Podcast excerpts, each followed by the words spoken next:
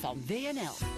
Ja, Mark Koster die is aangeschoven. Die was al gesignaleerd door Bram Enderdijk. Jij uh, weet welk verhaal er echt de moeite waard is om uh, eens even door, de, door te nemen. En die ga je hier eens even pluggen. Je ga ik even het, pluggen. Het, het, ja, verhaal nou, van dit weekend. Kom ik, maar door. Ik blijf van die kranten houden. Ik vind het toch mooi. Hè, die Echt, jij, jij bladert ik ook of kijk je meer online? Nou ja, ik heb ze thuis. Ze vallen op de mat. En, maar ik ben dan wel zo'n snelle blenderlezer ook. Maar goed. Uh, het interessante aan de krant, het was wel vrij somber. En ik, ik heb me even door de eindredactie laten fluisteren. Als het somber wordt, dan grijpen ze in. En dan gaan we naar leuke dingen. Want oh, hier. ach, ja. is vreselijk. Ja, Ja, dat is corona wel nieuws. waar, ja. Uh, ik heb, de NRC heeft een geweldig verhaal met de agenten die aanwezig waren bij de opstand in Rotterdam. Ik zeg dat dat Zwaarderland is. Huiveringwekkend goed gedaan. Uh, anoniem worden ze geïnterviewd. Eentje met naam. Um, en de agent, de, ik, ik, lees gewoon voor wat een van die agenten zegt. Deze lui bij de rellen waren minder dan hooligans. Een hooligan bij een voetbalwedstrijd denkt: hé, hey, een ME'er, ik wil knokken. Drie weken later kom je diezelfde gasten op het stadhuisplein tegen als wijkagent en zeggen ze: Hé hey, Lange, dan zeg ik terug: Hoe is het, heren? Met andere woorden, hij vond dit erger. Dit was echt tuig van de richel. Een andere vertelt um, wat er gebeurde. Ze kwamen op hem aflopen. Je schiet in de lucht om te waarschuwen. Dat heeft nul effect op de groep. Nog een keer in de lucht. Weer nul effect. Je ziet collega's ook in de lucht schieten en dan gaan ze door. Op dat moment besluit je, ik heb 30 patronen en kan ze niet allemaal in de lucht schieten. Het volgende scho schot wordt gericht. Gelukkig is dat niet gebeurd, want er kwam versterking die de boel uit elkaar joeg.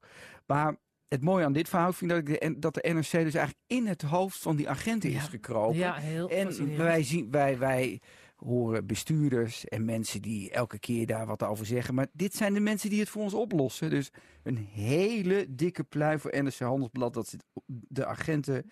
Uh, Door de ogen van de agent. Mooi. Dan Dagblad Trouw. Zijn wij af en toe fan van. Hè? Misschien wel de beste krant in het weekend. En het mooie van Dagblad Trouw hebben een filosoof aan het woord gelaten over het probleem waar wij in en begeven, de coronacrisis en de depressies die ons om ons heen grijpen.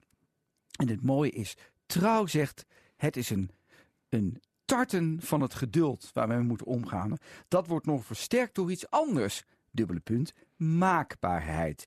Kijk maar naar het beeld dat ministers gebruiken. Ze draaien aan de knoppen op een dashboard en sturen op IC-capaciteit. Het is een ingenieursmentaliteit van een machine die je kunt beheersen. Dat beeld ligt onderhand aan diggelen. We zijn orde en overzicht kwijt in deze crisis. Eigenlijk is dat helemaal geen nieuws, dat is een analyse. Maar ik vond het wel mooi dat Dagblad Trouw een hele serene, mooie voorpagina heeft. Dan gaan we nog even door over de waanzin van het slachtofferschap. Nou, Ingrid van Engelshoven, de minister, uh, demissionair minister van Onderwijs, mm -hmm. die vindt, ja, die is helemaal ontroerd of geschokt dat er over de transgenderwetgeving, dat dat zo lang heeft geduurd, heeft er diepe excuses voor gemaakt. Ja, ik heb dat aangehoord. Het is natuurlijk niet goed dat die wetten was.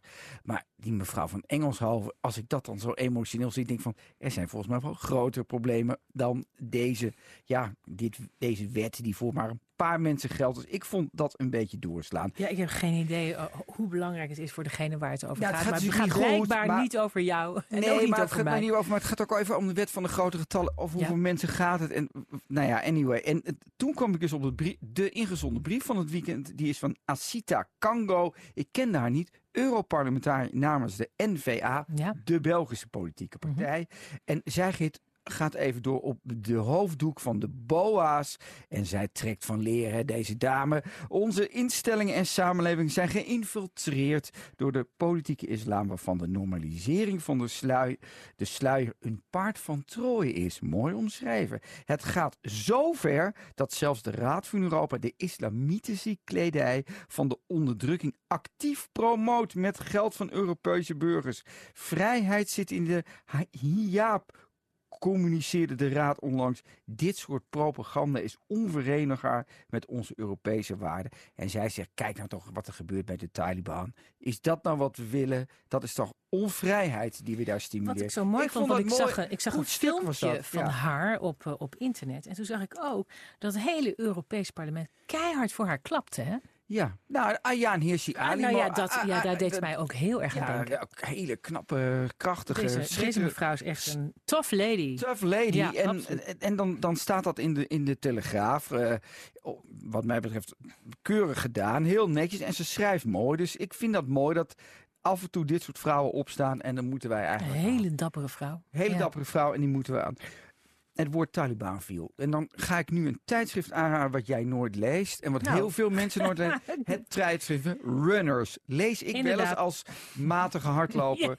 En daar staat een interview in met Gregory Sedok. Wat mij betreft... Die ken ik ook niet, maar ga door. die moet jij wel kennen. hè? Sorry. Want dat is de man, de atleet, de grote hordenloper... die tijdens de Olympische Spelen met zijn jasje gooide... toen er weer een gouden plak werd gehaald door de atleten. Dat is een prachtig filmpje. Hè, hier in de, in de NPO-studio's, weer bij de NOS, sprong hij op en je zag hem juichen. Deze man is aan de dood ontsnapt, vertelt hij in dat interviewtje, of dat grote interview. En hij zegt dat hij ehm, eh, eh, op een plek stond waar een sportwedstrijd werd georganiseerd in Oeroesgan. Hij is militair en politieman geweest. Hij ging daarheen. En terwijl hij daar stond, stapte hij opzij bij het startschot. En toen hij opzij stapte, begon de Taliban te schieten. En de man op, die op de plek stond waar hij stond, is omgekomen. Een militair.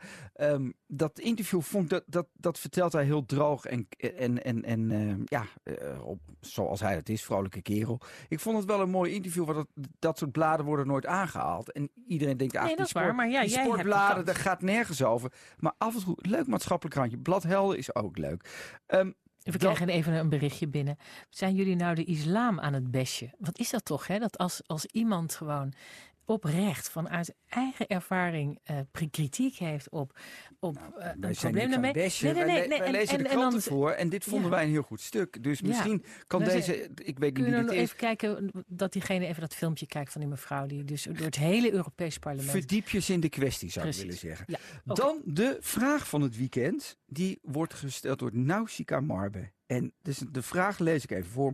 Ook altijd heel leuk Ja, goed maar ze heeft een geweldige vraag. Ja. Waarom lukt het de Duitsers wel om in tijden van crisis razendsnel een degelijk akkoord in elkaar te timmeren, terwijl de Nederlandse formatie inmiddels aan volksverlakkerij grenst? Wel een goede vraag, toch? Duitsland heeft verkiezingen gehad. Nou, de uitslag, ja, de, de, CA of de CDU heeft niet gewonnen, verloren. Eh, toch is er een daarin heel snel treinvaart een formatie geweest tussen partijen die elkaar normaal gesproken eh, niet helemaal zien zitten. Eh, vindt zij interessant. Het antwoord geeft ze ook omdat ze gevoel voor urgentie hebben.